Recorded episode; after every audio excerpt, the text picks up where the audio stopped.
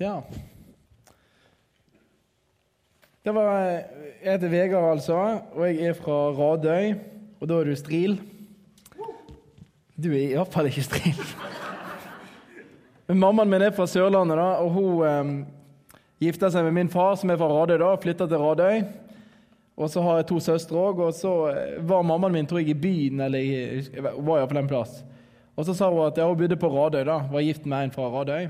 Og da sa denne bergenseren til henne Ja, du er sånn der steril, du, ja.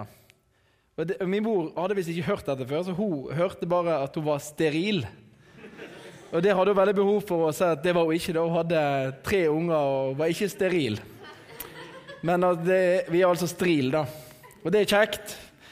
Eh, det er lenge siden jeg har bodd på Radio da. Nå har jeg bodd en del år eh, Først bodde jeg en del år i Kristiansand, litt i en bygd som heter Finnsland, og så i byen Kristiansand. Veldig kjekt. Studerte litt der og jobba som eh, sånn ungdomsarbeider, kalte vi det, på to bedehus der. Finnsland bedehus og Frikstad bedehus. Så jeg var lengst i, i Finnsland, og der var jeg fire og et halvt år. Veldig kjekt. Og så begynte jeg i Israelsmisjonen for et par år siden, og syns det er veldig kjekt, det òg. Og der jobber jeg som assisterende generalsekretær. Og da har jeg egentlig kontor i Oslo, men nå bor jeg her da, i, i Bergen, så jeg pendler litt sånn i ukene og sånn. Uh, og, det, og jeg har en del her òg, har heimekontor og litt på kretskontoret her, som ligger på Danmarksplass. For meg er òg en bruktbutikk på Danmarksplass som heter Mamilla, som har masse fine bruktting. Så hvis dere har lyst på noen flotte, billige bruktting og er litt opptatt av resirkulering og sånn, så ta turen innom der, så kan det godt være jeg sitter på kontoret der òg. Vi skal ha et tema altså vel, Har det kommet opp? Ja. Velsigne Israel. Hva betyr det i praksis? Og Tidligere i dag hadde vi det som var først for Paulus, og i morgen er det hva ansvar har vi overfor Israel. Og Av de temaene her så syns jeg dette var det vanskeligste å skulle forberede. For hva vil det si i praksis? Og så er det mange ting jeg har lyst til å si, og så syns jeg dette var vanskelig. da. Men jeg har landa på noe, og så um, var det fint med den åpninga vi får bære over med hverandre. Men dette er et viktig tema, og det er kjempestort, og det er masse som skulle vært sagt. Og jeg syns det er viktig. Men det er altså i hovedsak dette bibelverset tror jeg, som står veldig sentralt. Fra første Mosebok, kapittel 12, og så hele vers 3. Og Da er vi midt inne i begynnelsen egentlig av Bibelen, og Gud kaller Abraham ut av ingenting, virker det sånn. Bibelen gir jo ikke noen grunn for hvorfor Abraham ble valgt i utgangspunktet sånn. Det står bare at Gud snakker med Abraham, eller taler til Abraham 'Nå skal du dra herifra', og så gir han han en del løfter. Gud velger i all sin suverenitet og i sin allmakt som Gud. Suverent valg av Gud. Noen sier ja, men han velger Abraham fordi han trodde Gud. og sånn. Ja, Det kommer i så fall etterpå, som en frukt. Gud velger Abraham. Han velger denne familien til Abraham, det jødiske folket eller israelsfolket. Og han begrunner det egentlig ikke utenom i seg sjøl. Men så sier han altså til Abraham.: Jeg vil velsigne dem som velsigner deg, men den som forbanner deg, skal jeg forbanne. I deg skal alle slekter på jorden velsignes. Og Jeg tror dette er hovedverset til hvorfor vi skjønner at uh, temaet som handler om å velsigne Israel, det kommer herfra. Men i verset står det ikke å velsigne Israel, egentlig, men det er her det kommer fra. Den som velsigner deg, skal jeg velsigne. Den som forbanner deg, skal jeg forbanne. Og, og så tror jeg mange har et inntrykk av at dette er viktig for kristne. Å velsigne Israel og stå med Israel. Og Jeg tar det litt fra den vinkelen der til å begynne med. Erik Vold, han er NRK-journalist, var iallfall det i 2009. Jeg vet ikke helt hva han er nå. jeg. Men i Dagsrevyen 14.8.2009. Eh, Husker dere den? Ja, Det var iallfall en dagsrevy 14.8.2009. Og Da sa Erik Vold, og det tror jeg eh, folk syntes var greit at han sa, de er enige, da. Det er en sak som forener kristne i Norge. Den som velsigner Israel, vil selv bli velsignet. Det var hans inntrykk. Dette forener kristne i Norge. Og så eh, tar vi litt utgangspunkt i det. Altså, dette tenkte han som egentlig ikke-kristen, som en journalist.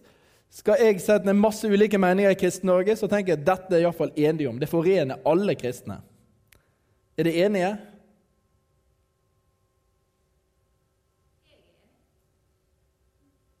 Ja, kanskje. Bare ha det i bakhodet. Det er en brosjyre som er for bønnevakt for Norge. Og De legger vekt på dette. Og De skriver vårt forhold til Israel vil være med å gi vårt land del i velsignelse eller forbannelse. Så er det samme språket som fra første Mosebok, bare de bytter om litt. Vårt forhold, altså Norges forhold til Israel, det vil være med å gi Norge del i enten velsignelse eller forbannelse. Så her er jo for så vidt bønnevakten for Norge og Erik Vold enig. da. Dette forener, dette er en viktig sak. Så jeg kjenner jeg en som heter Hans Morten Hauge, og han jobber litt med dette. her, og Det er han som har tatt tak i disse sitatene. Og Så undersøkte han en ganske stor undersøkelse i 2014. og Han holder på å skrive doktorgrad om dette nå. og, og Han undersøkte da, er det er det sant. Er alle kristne enige og forstår de det samme og hva det er å velsigne Israel? er det så forenlig at alle kristne, uansett om du går i den forsamlinga eller den forsamlinga, så er de enige med en gang dette er å velsigne Israel. Og det forener oss. Israels spørsmål splitter altså ikke. Det var jo Erik Vold sitt. Og Det han ser, det er jo at evangeliske kristne og journalister Da, eh, da er det Erik Vold som representerer alle journalister i Hans Morten Hauge sin analyse her har en utbredt tanke om at det er en dyp sammenheng mellom kristen tro og støtte til den moderne staten Israel. Det er hans eh, syn. da.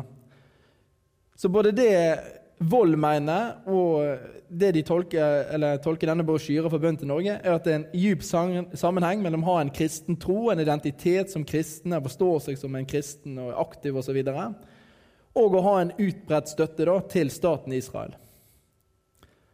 Og Det som viser seg i teologien, er jo at de siste tiårene så har det vært en nærmest sånn automatisk kobling mellom disse løftene som er gitt i første Mosebok 12, og kobla opp til staten Israel oppretta i 1948. Det, det, kan du kjenne igjen eller ikke, men det er, det er koblingen som har vært der. En tenker Israel, så tenker en på den staten der. En tenker på landet i Midtøsten og gjenopprettelsen av den. Og da har jeg bare lyst til å innlede med at da, Hvis det er sant at det er en kobling direkte fra første Mosebok 12 til den moderne staten Israel, så er vi utrolig heldige som lever etter 1948. Fordi at Hvis det er en sånn direkte kobling at de to hører sammen, første Mosebok 12 og staten Israel, så hadde altså ikke kristne mulighet til å velsigne Israel fram til 1948. Det var umulig hvis denne koblingen er sann. Det er logisk eh, og rasjonell tanke. Og Den norske Israelsmisjonen som jeg jobber i, ble altså stifta i 1844. Det betyr at i de over 100 år i begynnelsen var det ikke mulig å velsigne Israel. Men det er altså koblingen som journalisten gjør, og tenker at dette forener alle kristne i Norge og, og til den moderne staten Israel. Og jeg tror det er mange som tenker sånn òg. Det å velsigne Israel Jeg vet ikke hva du tenkte sånn intuitivt i hodet, da, men at det er en djup kobling til det og landet eller staten. Nå sier jeg ikke at det er sånn direkte helt feil, da, men det må ligge noe mer i det, tenker jeg, enn en direkte kobling til den moderne staten. For jeg, tror ikke det er sånn at Gud har ordna det at det er umulig å velsigne Israel på nesten 2000 år. Og at det var umulig for de som kalte seg Israels venner i 1844, å velsigne Israel fordi at det ikke fantes en stat. Jeg tror ikke det er sant, og da tror jeg det er noe som ligger dypere. og Det er det vi skal prøve å ta tak i. Og så lever vi òg i en tid, og dette er skrevet altså i 1983, det jeg tar fram nå. Og det er jo, eh, På den tida var jo nesten Glenn ung. Nei, du var kanskje ung? Jeg vet ikke. Han var ung og spilte trekkspill og, og sto på. Og Da skriver altså Magne Sæbø han skriver om det å nærme seg Israels teologi generelt at det finnes en nærmest uoversiktlig skog av profetisk utlegge som Israel. Altså Det er masse meninger i 1983. Og så tenker jeg at På de årene som er gått, fra 1983 fram til 2018, så føler kanskje ikke jeg at skogen er blitt mindre uoversiktlig. Det er ikke hva du syns. Så når vi sier at dette er noe som forener alle kristne, så kjenner jeg ja, men vi er jo kanskje litt uenige i hva vi legger i det og hva vi mener om det, og hvordan vi gjør det praktisk, i alle fall. Det er masse Israelsorganisasjoner. I Norge tipper det altså på enkelt, eh, Det fins en del sånne enkeltmannforetak og enkeltkvinnesforetak for Israel. Og jeg tipper Av organisasjoner, stiftelser og sånne enkeltmannsforetak så er vi over 30 ulike Israelsorganisasjoner i Norge. Det er ganske masse. Så det er klart at Noen er større enn andre, og noen er bare én person som har et initiativ. og litt sånn forskjellig. Men det er ganske uoversiktlig. Hva mener disse ulike? Og De store Israelsorganisasjonene mener jo litt ulikt i hva det vil si å velsigne Israel òg. Så det er den ene sida, det fins et hav, og det kan være uoversiktlig. På den andre sida har jeg tatt et klipp her fra Andreas Nordli, som er leder for Ungdom i oppdrag i Norge. Og Han skriver masse bra på bloggen sin, syns jeg. Så hvis jeg skal lese en god blogg, så har han en grei blogg, syns jeg. da. Og Han tar opp et spørsmål i, i bloggen sin i 2014. Hvorfor er ikke Israel like viktig for unge kristne som for eldre kristne? Så tar han det aspektet og så skriver han litt om det. For det virker, og det virker det på meg òg, av og til som at Israel det er noe som litt eldre folk holder på med. Eh, og De skal helst være veldig politisk engasjert og, og, være litt spesielle. Det er ikke en sak sånn. Så På den måten så tror jeg det kan komme inn en sånn tanke i hodet til mange unge kristne at Israel forener oss ikke. Det er et spørsmål vi ikke tenker så masse på. Israel er for spesielt interesserte. Så Andreas Nordli har jo en litt annen tilnærming. da. Og Så ser han som leder ungdomsoppdrag, at det er mange unge kristne som ikke tenker så masse på Israel, og at dette ikke er viktig for dem i hele tatt. Så skriver han videre i bloggen det er noen argumenter eller noen tanker om hvorfor det er sånn. For det første så tenker han at det har noe med manglende teologisk kompetanse blant unge å gjøre. Det er spenstig å si. Hva syns du? Er det manglende teologisk kompetanse? Kunnskap om Bibelen?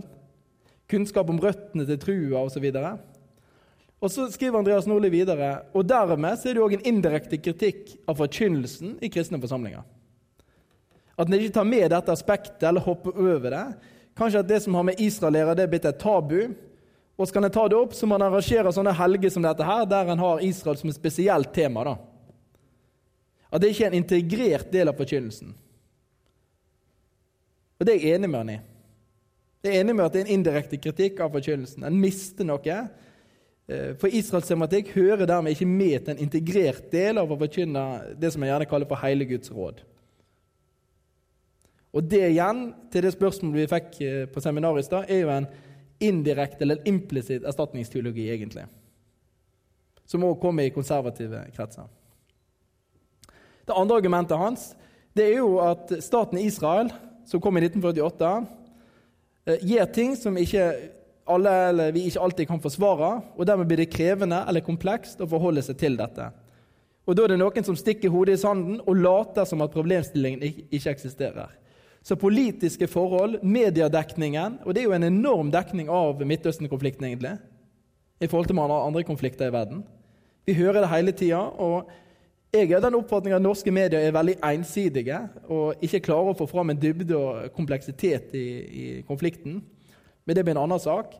Men jeg tror Andreas Nordli har rett i det òg, at en del av de politiske forholdene og Det at vi lever i et land som der å si at du er Israels venn, rent politisk altså, er upopulært, gjør at mange kristne tenker at det teologiske rundt Israel og dette som går på trua, jeg lager det til et tabu. Det er enklere å la være å snakke om det enn å ta det opp. Så det er et annet argument, og det tror han har rett i.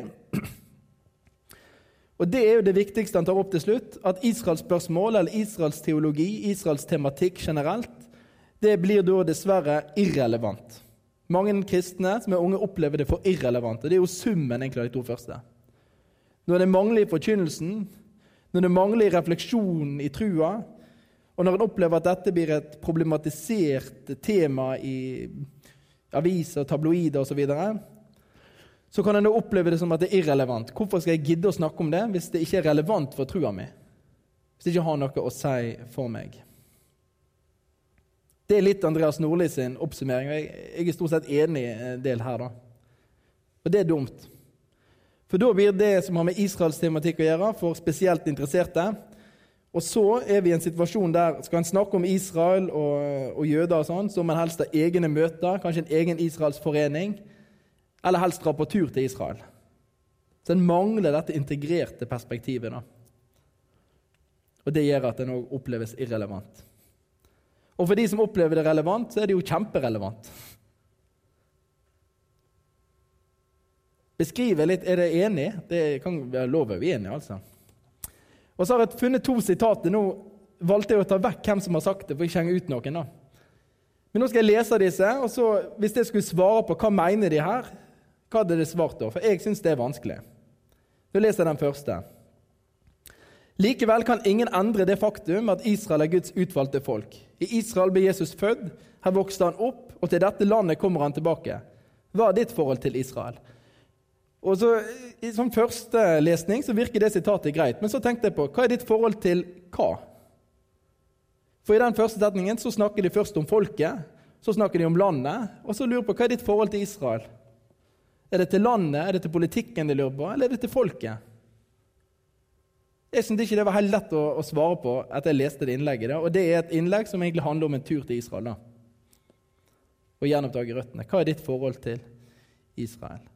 Og Jeg tror ofte det blir presentert sånn i denne sammensurien, ikke at det er feil nødvendigvis, men at den ikke gir denne distinksjonen mellom staten Israel og folket Israel. Og Det kan være noe komplisert når en får det spørsmålet hva er da ditt forhold til Israel. For det kan være en har litt problem med enkelte politiske ting.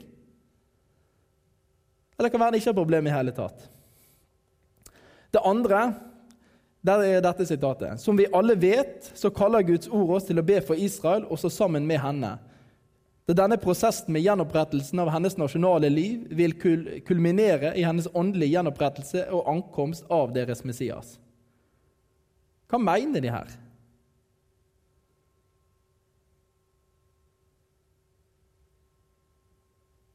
Hva er det folket eller det landet? Og så synes jeg av og til, Nå tok jeg bare et par eksempler, men dette er fra eh, sånne anerkjente Israels side òg. Og så syns jeg det er vanskelig å manøvrere meg i en skog som blir mer og mer uoversiktlig. Hva er det som de mener? Hvordan skal vi be for Israel? Det får du ikke hjelp til her. Jeg får ikke heller den distriksjonen med hva en skal ha et forhold til, og hva en skal mene noe om, og hva en skal støtte. Og så kan det virke litt som at Se der, ja. Og Det som er faren, tror jeg, er at det å velsigne Israel, det blir en sånn sjekkliste. da. Så jeg kan sjekke av med at jeg er Israels venn. Jeg stemmer på eh, ting og partier og sånt som er for Israel, og, og så har jeg sjekka det jeg har velsignet Israel. Ferdig. Og så blir det en sånn safety-liste. da. For da kan du si hva er ditt forhold til Israel? Jo, det er utelukkende Datt han helt vekk nå. Må jeg gjøre noe?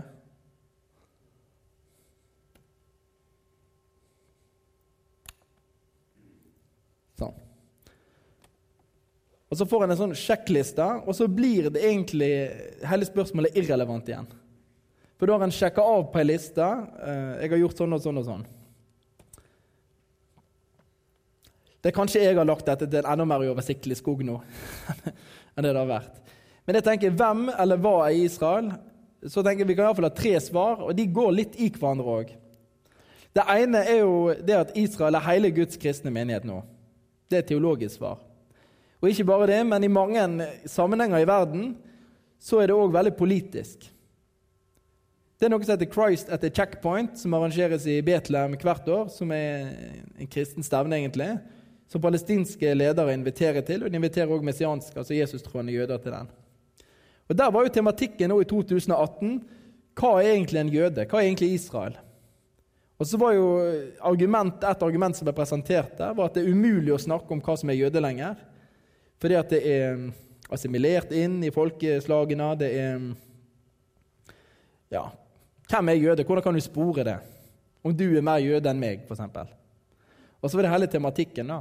Og Underliggende så ligger det òg en sånn tanke med at Israel det er nå hele Guds kristne forsamling, eller menighet, på jord. Og Per definisjon da, så vil jo alle her inne være en like stor del av Israel eller det jødiske folk som andre. Jeg ligger ikke på den linja i det hele tatt, men det er en oppfatning som du møter faktisk ganske mange plasser i verden. Og så du må være klar over at denne møter du. Og Det blir altså argumentert for både politisk, men òg veldig dypt teologisk. Og viser det gjennom en del ting. Og Der møter du òg i Norge. Ganske mange sammenhenger. Og det er klart at Hvis du har en sånn teologisk vinkling på Israel, så er det å velsigne Israel litt annerledes enn de to andre punktene her. som vi skal se. Så nå bare problematiserer jeg det litt. Jeg har studert så masse at jeg har lært å problematisere ting. Det andre er jo at Israel er et folk. At Når en uttaler og snakker om Israel, så snakker en om et folk. Der ligger jo den norske Israelsmisjonen. Når de har valgt å kalle seg for Israelsmisjonen, så er det ikke en misjon overfor en stat, men en misjon overfor et folk. Og Når det ble oppretta i 1844, så er det altså 104 år før staten Israel. Og Da lå det helt synonymt på 1800-tallet med at Israel var det jødiske folk. Det var ingen stat som het Israel eh, den gang, så det var, eh, så det var der at Israel er et folk. Og de kan bo hvor som helst. Det betyr at det bor jøder i Norge som tilhører Israel, det bor jøder i, i Tyskland som tilhører dette folket, osv. Det, er det er et folk. Et nasjonalt folk, et etnisk folk, som stammer altså fra Abraham. Og så er det at Israel er en stat. Og Det tror jeg jo er det vanligste å snakke om på folkemunne. Hvis jeg hadde spurt nå, uten å innlede noe tematikk, og sånn, gått ut i Bergen og spurt hva er Israel, så ville folk sagt et land i Midtøsten. Det tror jeg er helt vanlig. Er ikke det det? Hvis du snakker om Israel med folk, så vil de ikke tenke at det gjelder det mosaiske trossamfunnet i Norge. eller sånn. De vil tenke at det er staten Israel i Midtøsten. Og Dette er det òg en del kristne som, som tenker. Og Israel er en stat. Det er et land som heter Israel. Det er en jødisk stat som er i Midtøsten. Men Israel er òg et folk. Så Det er det vi skal eh, se litt på. Hva er det da å velsigne dette folket? Nå nærmer vi oss noe av det som er temaet. Jeg har med meg en bok eh, her ute som jeg eh, selger som Arvid Snyder har skrevet. og Han tar opp ulike argumenter for hva som er det viktigste for Israel, eller å velsigne det. For velsigne er jo lykkeønskning. Det er det det betyr. Å ønske noen lykke, vel, tale vel om, osv. Og, og det han er blitt fortalt, og det er dette av kristne så Han begynner hvert kapittel sånn eh, 'Jeg er blitt fortalt', og så skriver han hva han er blitt fortalt, og så skriver han litt om det, da, hva han tenker. Sånn er hvert kapittel bygd opp. Og Det han skriver nå til å begynne med, 'Jeg er blitt fortalt'. Og Dette er én ting, og det er mange argumenter i den boka. Det er viktigere å føre, å føre det jødiske folk tilbake til Israels land enn å fortelle dem om Herren. Alaiha, det er det å vende tilbake igjen til Israel, eh, er det viktigste. Forløsningen vil komme den dagen alle jøder er tilbake i landet. Og det tenker en del kristne. At det viktigste overfor det jødiske folk det er å hjelpe dem til, eh, til Israel. At de gir tilbakevending, at de kommer til Israel. Og det er mange som også tenker at å velsigne Israel det er å hjelpe dem å utvide landegrensene. Holde grensene, støtte dem økonomisk i staten osv. Dermed blir jo egentlig Israel eh, i mitt øyne snevra inn til staten, istedenfor å utvide til alle jødiske folk. Samtidig så tenker jeg at det er at det er viktig og det er rett at jødene har en egen stat. Det er både religiøst eh, godt begrunna, det er teologisk begrunna, mener jeg. Og det er helt klart at det folket har rett til å ha et, et land, en stat de kan bo i trygt i. Jeg har ikke noe problem med det. Men samtidig, når en skal snakke om hva er det virkelig å velsigne Israel, så tenker jeg det kommer ikke på topp i min prioriteringsliste. Selv om jeg mener at det er riktig, og jeg er for en jødisk stat osv. Jeg har ikke noe problem med å argumentere for det, verken teologisk eller politisk, egentlig.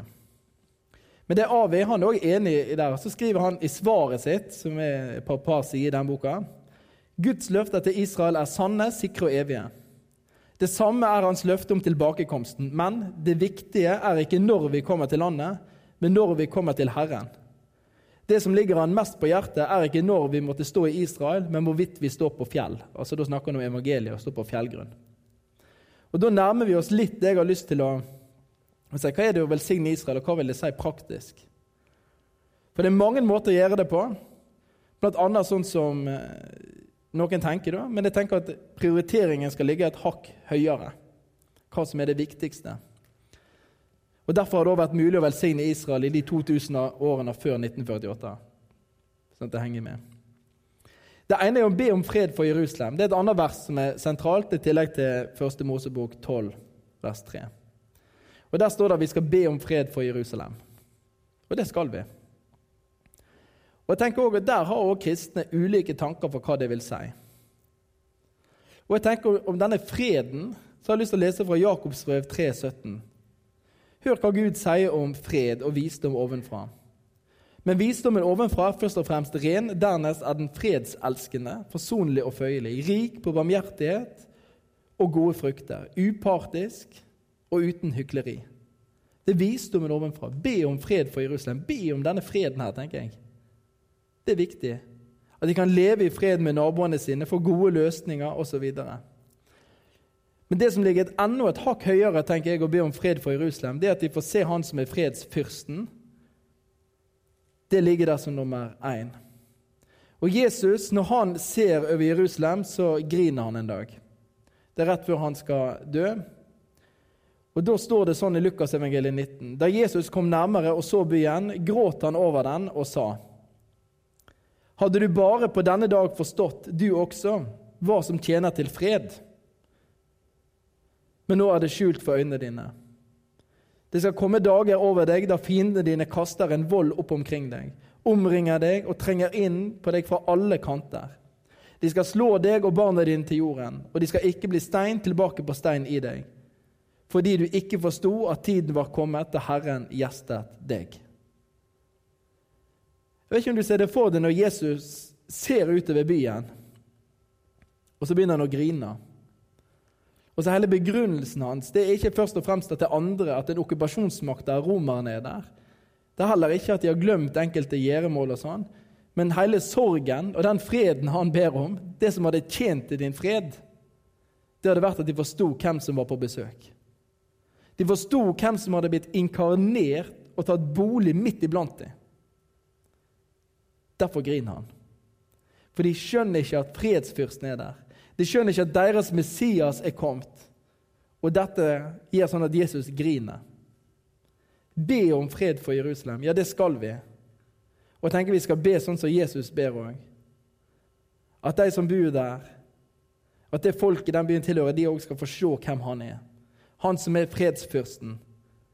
Og så kan det være vi kristne må bli minnet på hva er det virkelig som tjener til dette folket sin fred. Det er han. Og så tenker jeg det ligger inne på det.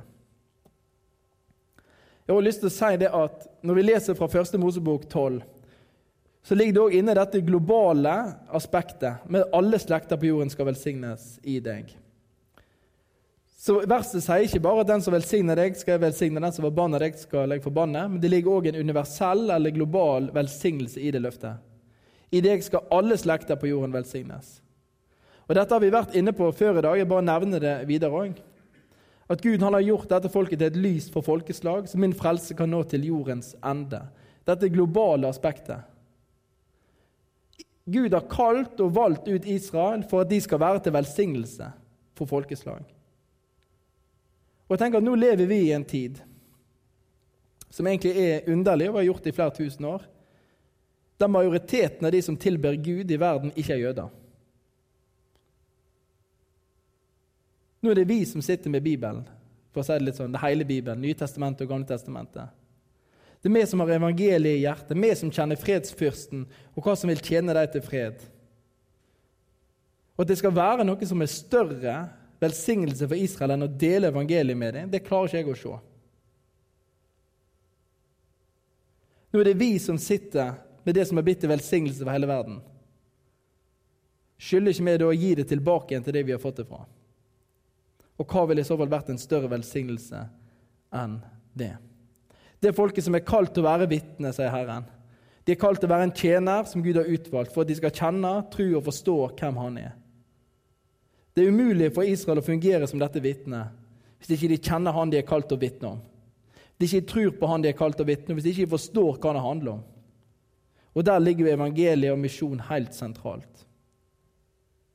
Hosea tar òg dette opp. Hva er det som tjener til deres fred? Hør Herrens ord, dere Israels barn. Herren fører sak mot dem som bor i landet, for det er ingen troskap og ingen kjærlighet og ingen kjennskap til Gud i landet. Det er problemet. Var Hosea en velsignelse for Israel? Jeg tipper at de som hørte han ikke tenkte det. Han var ganske hard. Men jeg tror Gud tenkte det som en velsignelse. Ikke bare for det folket, men òg i hele 1. Eh, Mosebok 12,3. Det skulle være en velsignelse for deg, og det skulle bli til velsignelse for oss. At de vendte om, at de hadde troskap og kjærlighet og kjennskap til Gud. For det Gud sier til i Hosea 6,6, er at han vil ha kjærlighet, ikke slakteoffer, gudskjennskap fremfor brennoffer. Og Det tenker jeg er et viktig aspekt òg av meg. Hva er det å velsigne Israel? Hva som ligger i dette? Paulus sitt Israels engasjement ligger jo også først og fremst her, sånn som jeg leser han. Denne sorgen han har i hjertet, dette han plages uavbrutt av, og dette ønsket at de må bli frelst. At dette folket må få se hvem Jesus er, at de må bøye seg for den rettferdigheten som kommer fra Gud, osv., som han skriver i Romerbrevet 10. Og Hans vitnesbyrd er at han har vitner både for jøder og grekere om å venne seg til Gud og troen på vår Herre Jesus. Dette var hans liv. Og jeg tenker at Han tenkte han var til velsignelse. Selv om det var lidelse der han gikk, selv om han opplevde tøffe ting. Og Jeg har lyst til å avslutte litt med noen Paulus-sitat på dette. Så får vi kanskje noe praktisk hjelp til slutt her. Hvorfor angår Israel oss som hedninger? Hvorfor skal vi velsigne Israel? Hvorfor er dette et viktig tema, som jeg mener det er? Hvorfor er det viktig at vi definerer det mer inn? Nå har jeg noen punkter. For det første sier Paulus at vi som er hedninger, vi er poda inn ved troen i dette folket. Vi har en tilhørighet til det. Og jeg syns det blir større og større. At når vi er sammen her og er i trua på Jesus, både kollektivt som forsamling her som kristne, men òg som meg sjøl, som enkeltindivid, så jeg poder inn på noe som er langt større enn meg. Min, altså min tru gir meg noen røtter langt tilbake i tid. Lenger bak enn Sesunds gate 22. Lenger tilbake enn Bildøy, lenger tilbake enn Wittenberg og Roma. Langt inn i Det gamle testamentet har plutselig Vegard Solberg fått noen røtter som binder meg. Jeg er en del av noe større. Det gjør at jeg har fått et slektskap. Jeg har fått noe i lag med dette folket. Derfor angår det meg. Sånn sier Paulus det. Dette er ikke for sær, særlige de som, som, særinteresse eller sånn. Dette angår alle som tror på Jesus. Tror du på Jesus, har du fått del i disse røttene. Du er bygd opp på apostlene og profetenes grunnvoll. Og du har fått del i deres åndelige gaver, i israelsfolkets åndelige gaver. Og Dermed skriver han i Rommeret 15 at du står i gjeld til dem. Dette angår oss. Vi er blitt medborgere, vi er blitt Guds familie. Vi er blitt opp på apostlene og profetenes grunnvoll, altså Bibelen. Og det er Jesus sjøl som er hjørnestein. Vi har del i samme arv, samme kropp og samme løft i Kristus Jesus. Og Gud har forst en plan med det jødiske folk. Det snakket vi om sist. Livet og døde. Denne store misjonstanken òg.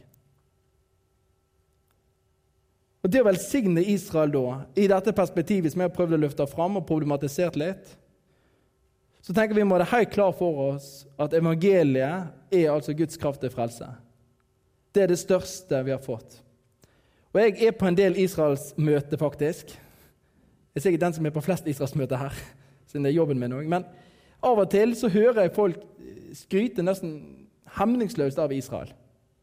Og så opplever jeg kanskje av og til at nesten Israel blir en avgud. Jeg vet ikke om du har tenkt på det? De skryter av Israel på alle mulige punkt. Og det er mange ting jeg kan skryte av Israel på. og Det kan vi godt gjøre av og til hvis vi føler at det blir for heftig andre veien. Det er klart at de har mange nobelpriser.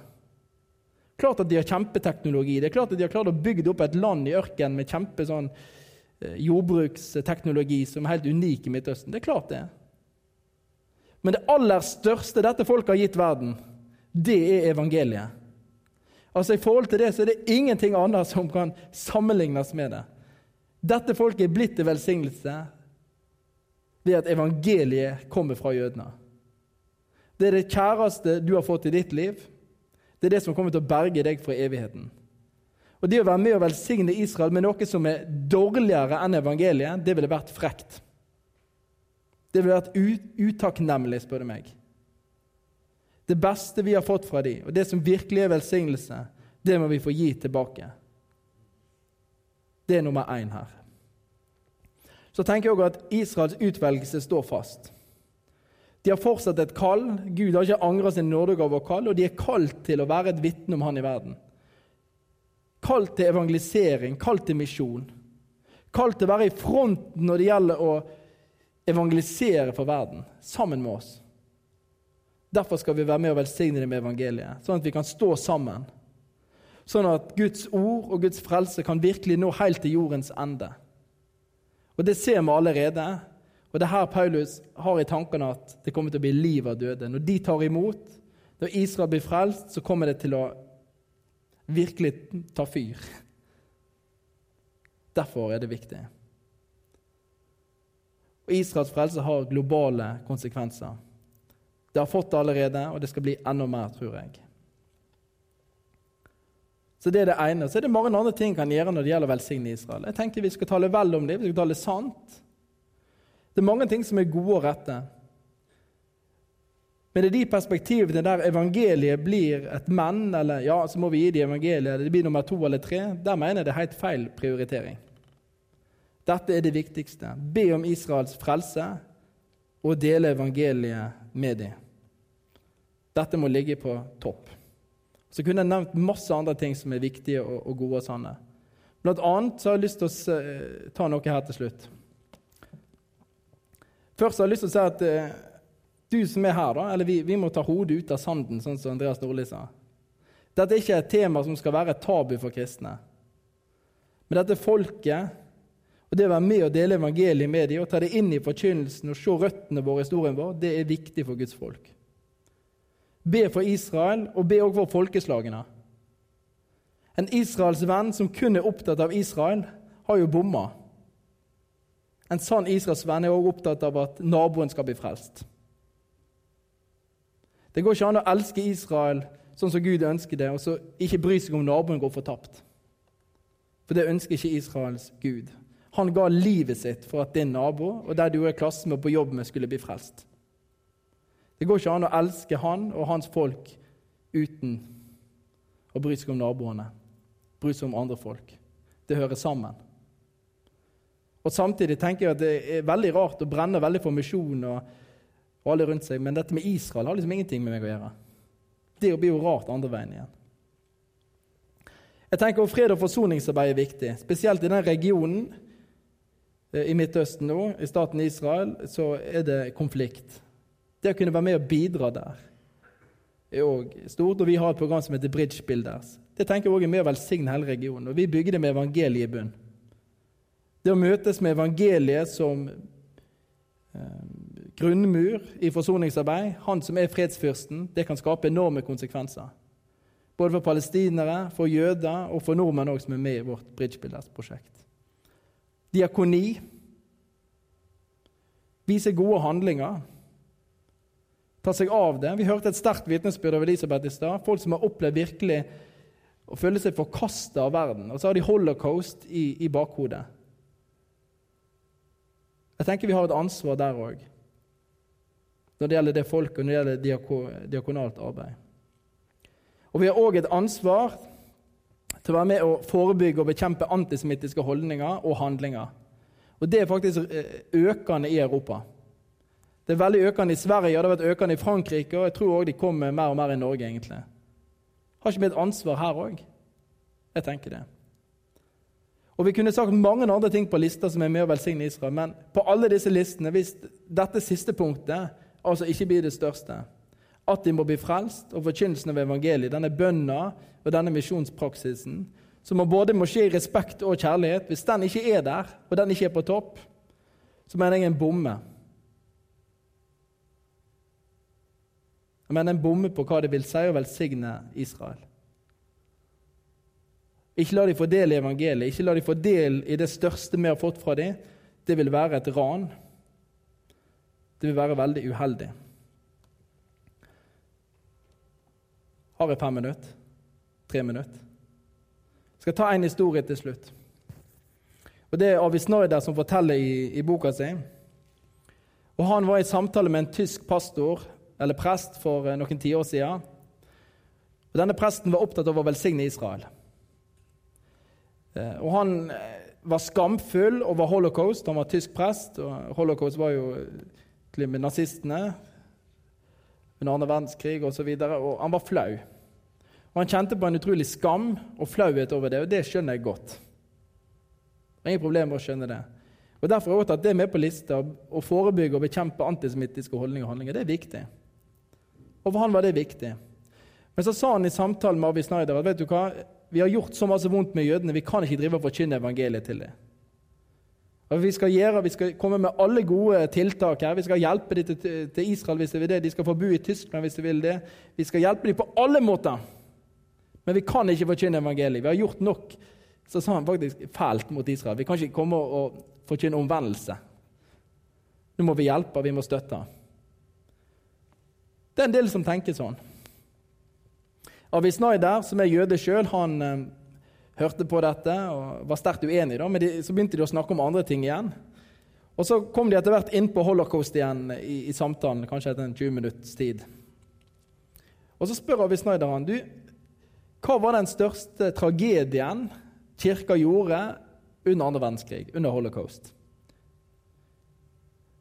Da svarte presten uten betenkningstid vi var stille. Vi sa ikke ifra at dette var feil. Vi kjempa ikke for at det var helt galt, det med holocaust. Vi var stille. Vi var tause. Og så sier vi snart til han, nå må du passe deg så du ikke gjør samme synden igjen. Og er stille overfor det jødiske folk med evangeliet. Evangeliet er enormt stort, altså. Jeg skjønner ikke hva som kommer inn av og til i hodet på folk de, når de nedprioriterer det og sier at det, det, er ting som er viktigere enn det. Vi snakker om en evighet for hver enkelt individ av det jødiske folk. For hver jøde som er født, så er det én vei til frelse for den som person. Og det er evangeliet og trua på Jesus. Hvis en virkelig vil velsigne enkeltindivider, så må en gi dem evangeliet. Både naboene våre, men òg dette folket som vi har fått evangeliet fra. Og Derfor står det hos oss evangeliet tilbake til jødene. Det er en returmisjon. Det er misjon tilbake igjen til utgangspunktet. I takknemlighet til de vi har fått det fra. Og så viser kirkehistorien at vi har holdt det for oss sjøl. Ofte har han ikke brydd seg om å velsigne Israel i det hele tatt. Og noen kristne de mener at de velsigner Israel på alle mulige måter utenom gi det evangeliet. Kanskje ikke du tenker at dette er reelt, men er, hvis du jobber litt i dette og ser, så er det mange som tenker sånn. Det er viktigere å plante trær i Israel enn å dele evangeliet med dem. Det er viktigere å jobbe for grensene og, og sånn bosetninger enn å dele evangeliet med dem. Det er viktigere å få jøder til å flytte til Israel enn å dele evangeliet med dem. Det er viktigere å gjøre gode handlinger overfor Israel og vise diakoni og omsorg enn å dele evangeliet med dem. Og jeg mener Alle disse punktene her vi har sagt nå er viktige. Jeg har ikke noe imot å plante tre i Israel. Jeg har ikke noe imot at jøder flytter til Israel. Jeg har ikke noe imot å vise diakoni og forebygge og sånn. Jeg syns det er bra. Men det som må ligge på topp, det må være evangeliet. Og der står Israelsmisjonen. Og det har vært det som har vært pådriveren siden 1844. Vi må dele evangeliet med dem. Vi kan ikke holde det for oss sjøl. Vi har fått det fra dem, og det må tilbake. Fordi at hvert enkelt individ trenger det, og fordi at nasjonen trenger evangeliet for å fullføre sitt kall. Jeg hadde òg en film. Kan du vise den nå? Og så er jeg ferdig. Israelsmisjonen har en, eh, en, sånn ungdomsbevegelse som er typisk for de som er i 20-30-åra, som heter Return to Sender, som spiller på det òg tilbake igjen til eh, det vi har fått det fra. Og Der har Kristoffer Eknes lagt en veldig kul film i lag med Gjermund Øystese. Og Den har jeg lyst til å, å, vise deg. Det er litt av det Return to Sender holder på med praktisk.